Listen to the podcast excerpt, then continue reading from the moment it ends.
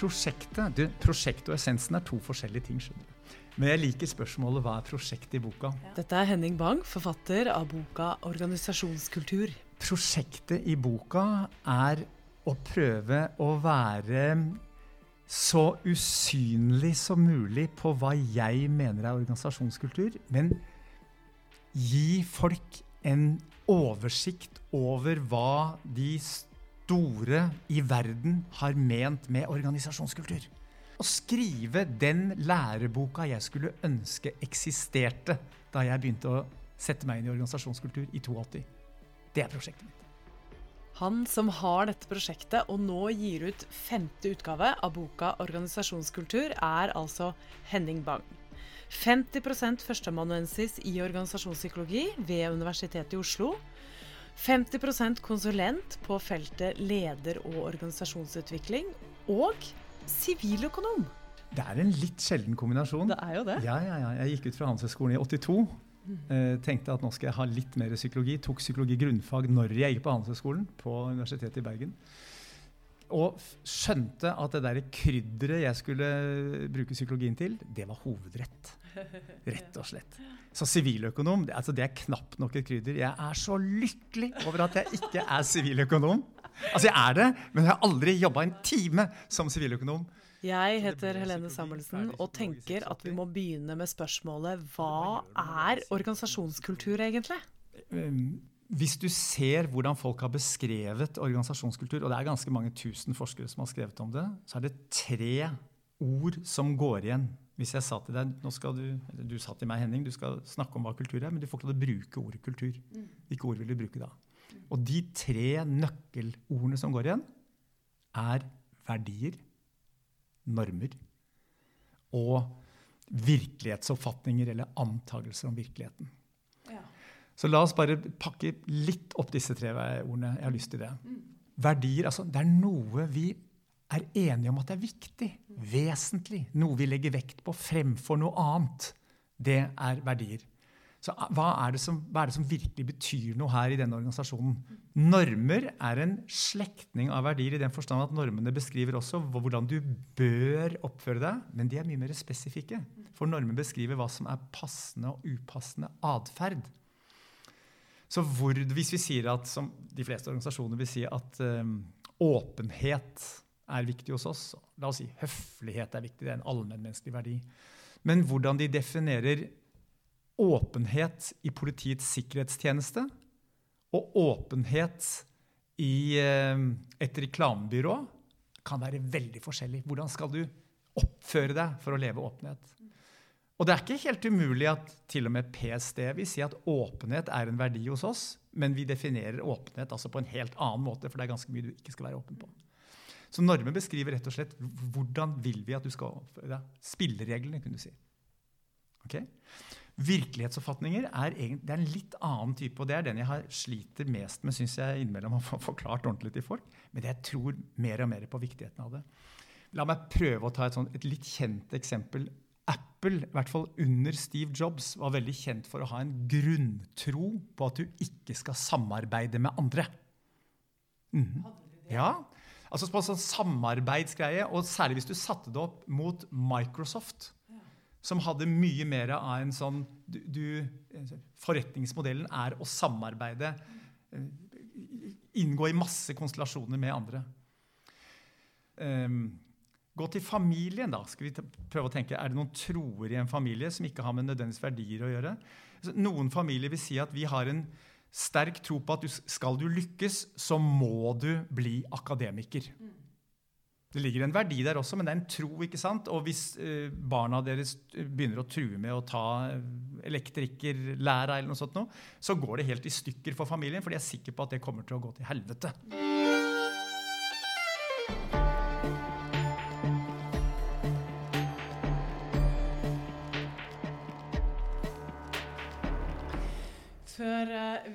Skal snakke om god eh, organisasjonskultur, eh, så har jeg lyst til at du skal eh, beskrive en skikkelig dårlig eh, organisasjonskultur. Du skjønner, Da kommer jeg kommer jeg til å svare på spørsmål om hva, kjennetegner en god organisasjonskultur. Samtidig. Ja, meg, altså, det er nemlig et par måter å svare på det spørsmålet på. Jeg begynner med den ene. For jeg vil si, jeg kunne nemlig, du, du, kunne lurt meg til å prøve å si en dårlig organisasjonskultur. Der er folk uvenner med hverandre, og det er lite rom for kreativitet. og sånt noe. Nei, jeg vil svare på en annen måte jeg først. Ja, Nydelig. Mm, mm. Jeg lytter. Ja. En dårlig organisasjonskultur det er en kultur som har verdier, normer og virkelighetsoppfatninger som vanskeliggjør det å oppnå målene i organisasjonen. Ok, hør på hva jeg sa nå. Vanskeliggjør det å oppnå målene. Så det betyr at for meg å si hva som er en god kultur, kommer helt an på hva organisasjonen driver med. Hvis du og jeg Jeg mener jo at det er rimelig å snakke om at et parforhold kan ha en kultur. Du og jeg skal nå Nå later vi som vi ble et par. Og den kulturen vi kommer til å legge oss til, fordi vi er begge opptatt av litt sånn bondage og drite Vi liker en kultur hvor man er åpen og driter hverandre ut og er litt slemme mot hverandre på mange måter. Så er det funksjonelt fordi at vi begge vil det. Mm. Men mange vil si at det bør du ikke sette opp som et ideal for hvordan man skal behandle hverandre i et parforhold. Nei, Som familievernsterapeut liksom, så er det ikke sånn at du kan tre den malen ved alle? Nei, men, men det, det, tenker jeg også på en organisasjon. at ja. kan, kan, det ikke, eller kan det ikke, bør det ikke være slik, og er det ikke slik at den kulturen man legger seg til i en økonomiavdeling eller i Finansdepartementet, mm fordi de holder på med noe litt annet enn det de driver i en utviklingsavdeling som skal være kreativ og utvikle nye ting. Mm. Så den bør være forskjellig. Mm. Så det, det, det, du sier, det er at du kan ikke, du kan ikke på en måte si at uh, dette, er, dette, er, bedre enn noe annet, men at det vil avhenge av den konteksten som den kulturen står i. Og det den kulturen ønsker å oppnå. Men jeg sier at det er det ene svaret, og jeg får ikke lyst til å begynne med det svaret. Mm. Jeg mener at det er et veldig viktig svar. For å ikke liksom bare hive opp og si at det er noen typer kulturer som er bedre enn andre på tvers av alt. Okay? Samtidig som det er litt tannløst svar. Jeg synes det er litt. Jeg kjenner det når jeg sier det. Ja, det er i hvert fall gøy å kanskje prøve å lokke deg litt utpå. Jo, men, jo, men for greia, det er det ikke noe som står fast? Jo, jo, jo, men det er jo en del forskere som har sagt at det tannløse svar, det, det går ikke. Det holder ikke. Det, er, det må da være noen verdier som, som, er viktigere enn andre verdier. Så det er en, en, ganske stor gruppe forskere som har prøvd å gi svar på det. Jeg skriver om det i boka, så jeg skal ikke avsløre alt her.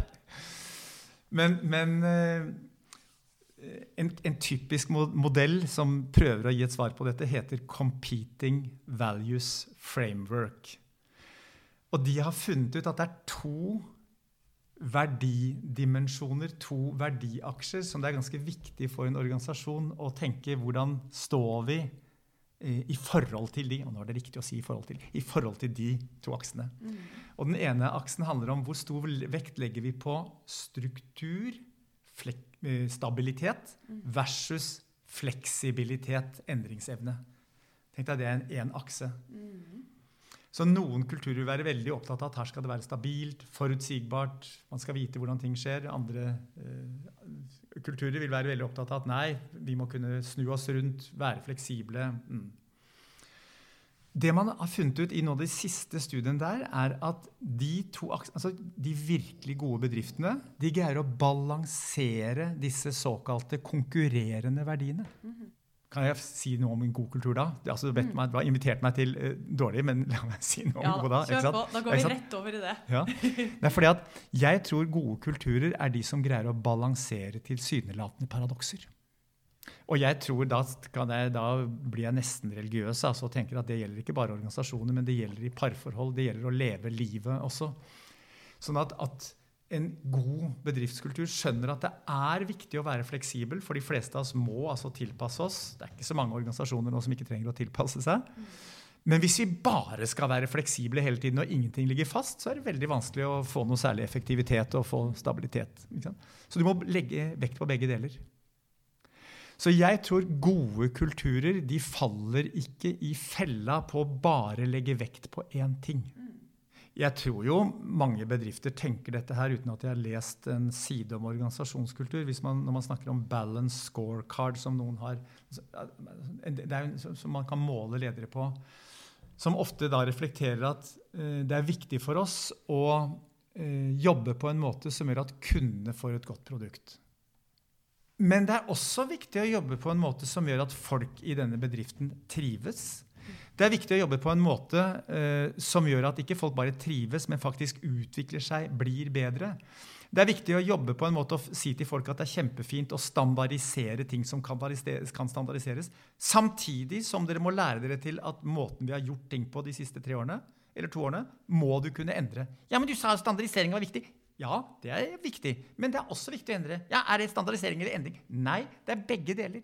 Mm. Det er viktig å, å, passe på at eierne får forrentning på kapitalen. Det er jævla kapitalist. Nei, det er det hvis du er en del av en sånn bedrift. Sånn at det er mange verdier som må balanseres. Jeg, jeg skulle ønske at folk begynte å lage verdigrunnlag som sa vi skal være det og det. Det og det. Istedenfor den der ene rekka med de fem ordene. Det høres innmari deilig ut å jobbe i en sånn organisasjon. ja! Når jeg har lest uh, boka di, så uh, er det, det er en glede fordi Uh, alle som kommer til å lese den boka, de kommer jo til å, uh, til å hele tiden jamføre med eget liv. Fordi vi alle er i organisasjoner. Uh, og det er et utrolig interessant sånn metablikk som man plutselig liksom får aktivert gjennom det språket som du på en måte introduserer, og modellene dine og sånn.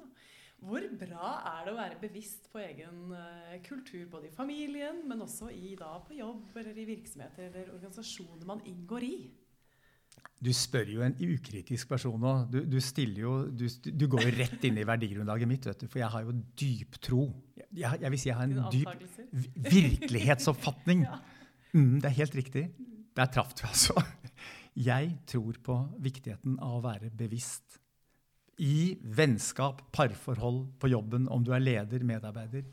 Fordi du har større rom til å velge og manøvrere når du er bevisst på det som skjer med deg. Så jeg har dyp tro på den der evnen la oss holde oss til kultur nå, til å kunne lese kultur.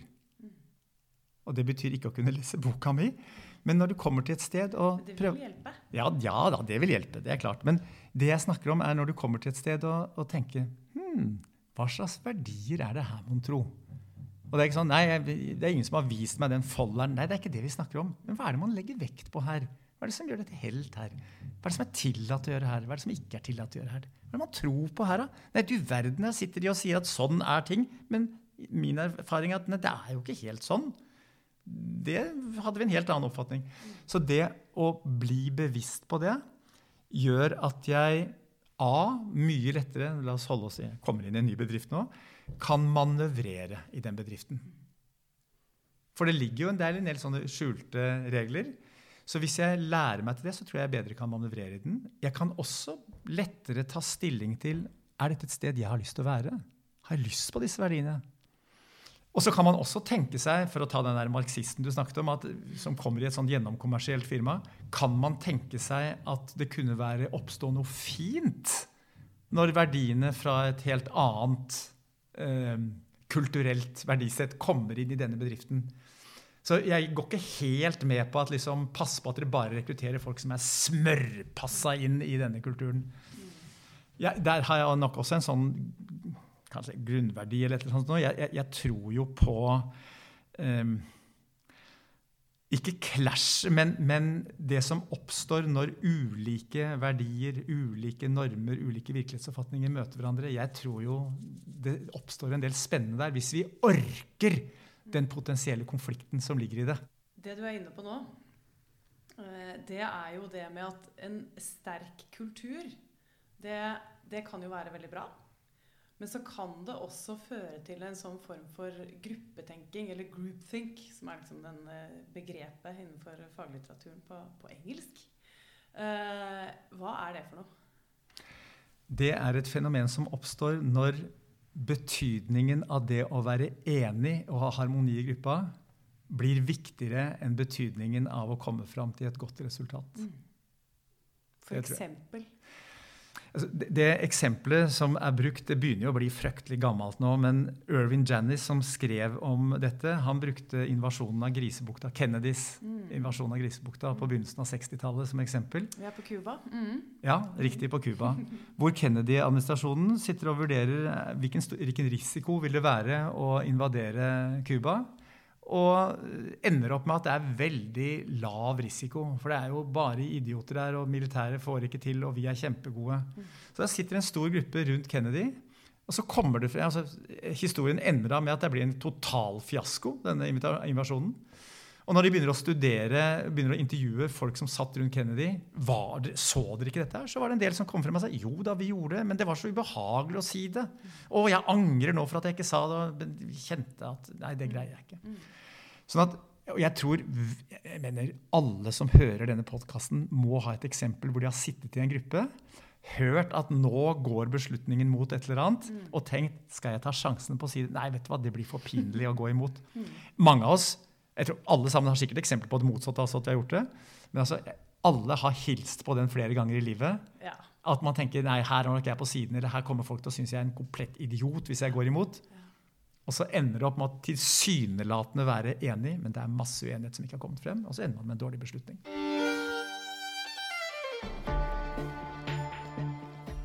En ting som du også rommer i boka di, organisasjonskultur, det er jo hvordan en god organisasjonskultur påvirker resultatet i en virksomhet. Mm -hmm. Hvordan gjør det det?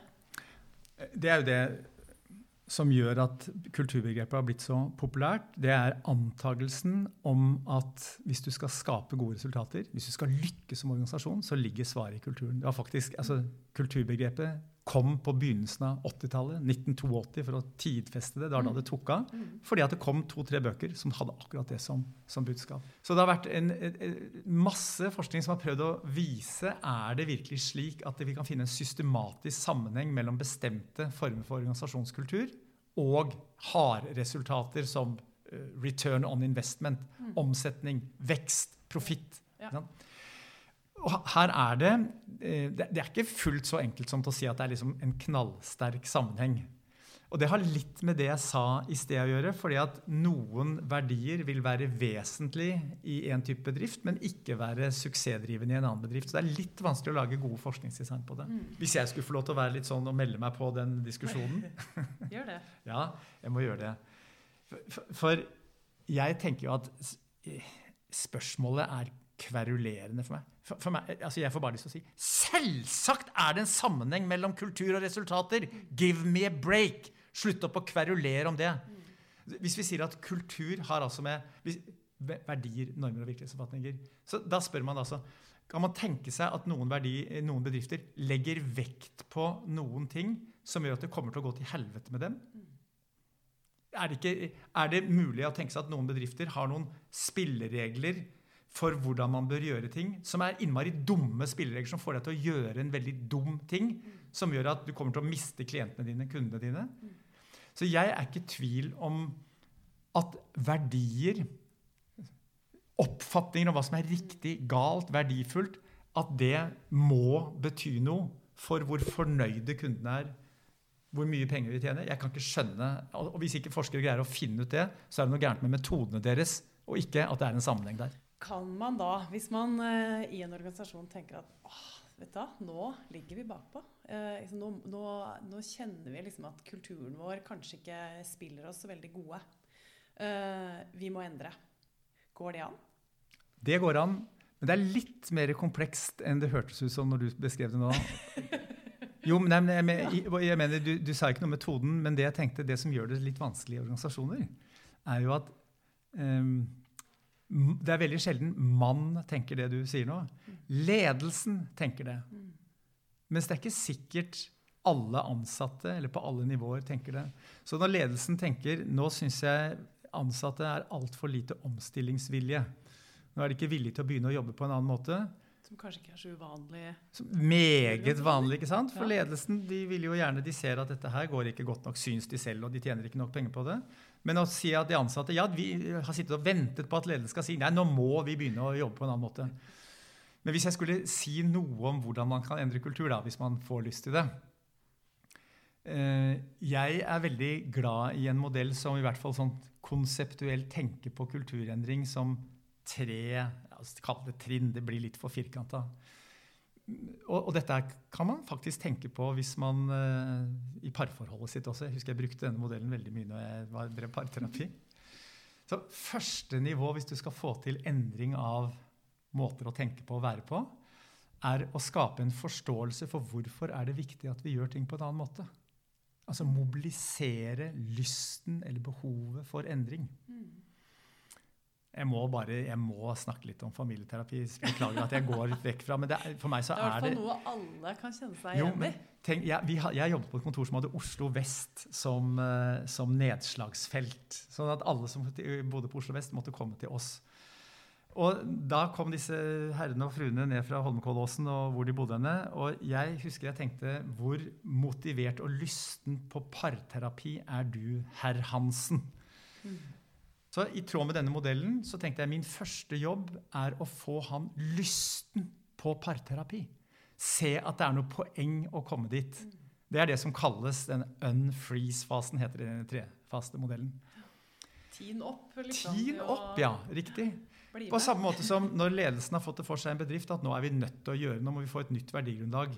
Og så sitter ansatte og tenker hva faen skal vi med et nytt verdigrunnlag? Er det noe gærent med hva, hva, er, hva er problemet med bedriften i dag? Og Det er da et begrep som veldig mange kjenner, og særlig de som har tatt noen kurs på BE. Sånn, det heter sense of urgency. Jeg liker veldig godt. Sense of urgency handler om en opplevelse at nå haster det å gjøre noe. Ja. Det tenkte jeg også tilbake til familiekontoret igjen. Jeg tenkte, En del av dere menn dere skjønner ikke at hvis ikke dere tar skjeen i en annen hånd nå, så går kona di! Du har ikke sense of urgency. Og det kunne være, altså jeg kunne snudd det. Sikkert kona også. Um, og så er det noe med Ja vel, ok, la oss si at vi har fått en type sånn Jo, ser at vi bør gjøre noe med kulturen. Hva kan man gjøre da? For uh, første skritt er å bruke la oss kalle det uh, fokuseringsprinsippet. Altså velg ut noe i kulturen. Du har kanskje hatt en diskusjon og funnet at det er masse vi bør gjøre i denne kulturen, men ikke gjør alt. Velg ut noen få verdier eller spilleregler du tenker disse har vi lyst til å få inn. Slik at du kan ha fokus på noen få verdier. Noen få ting. Så må enhver, i eh, hvert fall ledere, og helst alle statuspersoner, tillitsvalgte, prøve å tenke er jeg en god rollemodell for det vi har sagt at vi skal gjøre nå. Tredje tips jeg vil gi altså Det er nesten pinlig å si det, men vi vet fra læringspsykologien og jeg mener du trenger ikke å ha tatt læringspsykologien, Det holder å ha hatt en bikkje eller noe barn. Straff og belønning virker. Nå sa jeg det veldig primitivt, men det er sant. Altså, hvis jeg får et smil så fint, så bra, Eding, så øker sjansen for at jeg gjør det som etterfølges med det. Det er enkel læringspsykologi. Fjerde punktet eh, Ofte kan du stimulere nye verdier og normer, samhandlingsmønstre, gjennom å lage strukturer som legger til rette for det. La meg prøve meg på et veldig veldig enkelt eksempel som jeg tror mange kjenner igjen. Jeg kjenner igjen, Nå sitter vi på Psykologisk institutt. Det er jo en, verdi, en sånn klimaverdi i verden nå. Det det. Og en, måte, en, en, norm er at vi skal sortere søppel. Det var også en norm her. Vi skal prøve å sortere søppel. Og alle sammen hadde en papir søppelkasse, en søppelkasse på kontoret sitt. og liksom Prøv å sortere. og da Gå ned og legg ting i noen søppelkasser ute. Det var ingen som gjorde det i det hele tatt. En dag så kom jeg på kontoret, så var søppelkassa mi fjernet. Jeg eh, gikk ut i gangen og spurte noen andre har, har dere også fått fjernet søppelkassen deres. Ja, sa de. Det, det, det er ikke søppelkasser på kontoret lenger. Nei vel. Og så så jeg ute i gangen, så sto det en rekke med fire kasser. Hvor det sto papir, plast, metall, mat. Det er et strukturelt grep istedenfor å tenke at nå må vi snakke om Vi regner med at folk skjønner at klima er viktig. Gjør det vanskelig for oss å fortsette drittatferd og gjør det lett for oss å gjøre ønsket atferd. Og det siste eh, punktet jeg må ta opp, som er på en måte det, det tøffeste virkemidlet hvis du skal endre kultur, eh, men det må jo frem, det. For greia at kultur, litt enkelt sagt, så kunne vi jo si at disse verdiene, normene og virkelighetsoppfatningen de sitter oppi huene på folk. Så hvis jeg skiftet ut huer i en organisasjon mm nå skal vi legge mye mer vekt på salg. Ja, da får vi ta inn folk som elsker å selge, da. Mm. Og sette dem i høye posisjoner. Og kan det være at vi er nødt til å ta vekk eh, Kari, Berit, Frank og Ola? De sitter som ledere, de forvalter de gamle verdiene. Og avdelingen deres kommer aldri til å få slutt på de gamle verdiene før disse folka har fått seg en annen. Kan vi lage en spesialrådgiverstilling til dem? Det er veldig stygt å si dette, men de kan ikke Det skjer. De, det skjer. Ja. ja. det skjer som bare det. Ja, Og det er riktig også, mener du? at det må ja, Jeg mener at det er riktig. at Hvis du ikke får, hvis man ser at vi er nødt til å jobbe på en annen måte, og vi får ikke de som har makt til å få folk til å jobbe på en annen måte, de, ikke, de tror ikke på det, mm. så må vi se om vi skal flytte litt på det. En podkast som dette den eh, rommer jo definitivt ikke alle temaene i en bok på 270 sider.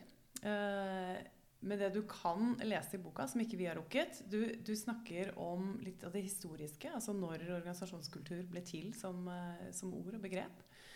Du snakker om konfliktlinjer i kulturer, og ikke minst subkulturer, underkulturer, i, i virksomheter og organisasjoner. Du snakker om språk, sjargong og humor som elementer i, i en kultur. Materielle uttrykk. Altså objekter, klær, ting på en måte som er, som er også kulturbyggende. Um, du stiller spørsmål kan man styre en kultur. Du presenterer modeller og teorier. Det er veldig mange ting i boka di som, som ikke vi rekker å, å snakke om da. Uh, men nå er den altså ute. Eh, den uh, flunkende nye og oppdaterte utgava av boka di 'Organisasjonskultur'. Uh, og nå skal den ut i verden, på jobb. Hva slags jobb håper du at den kommer til å gjøre? Jeg håper at den kommer til å få flere til å bli bevisst på hva kultur er. Den er jo beregna altså, først og fremst på et sånt læreboksmarked, men nå er det heldigvis mange praktikere som leser den også.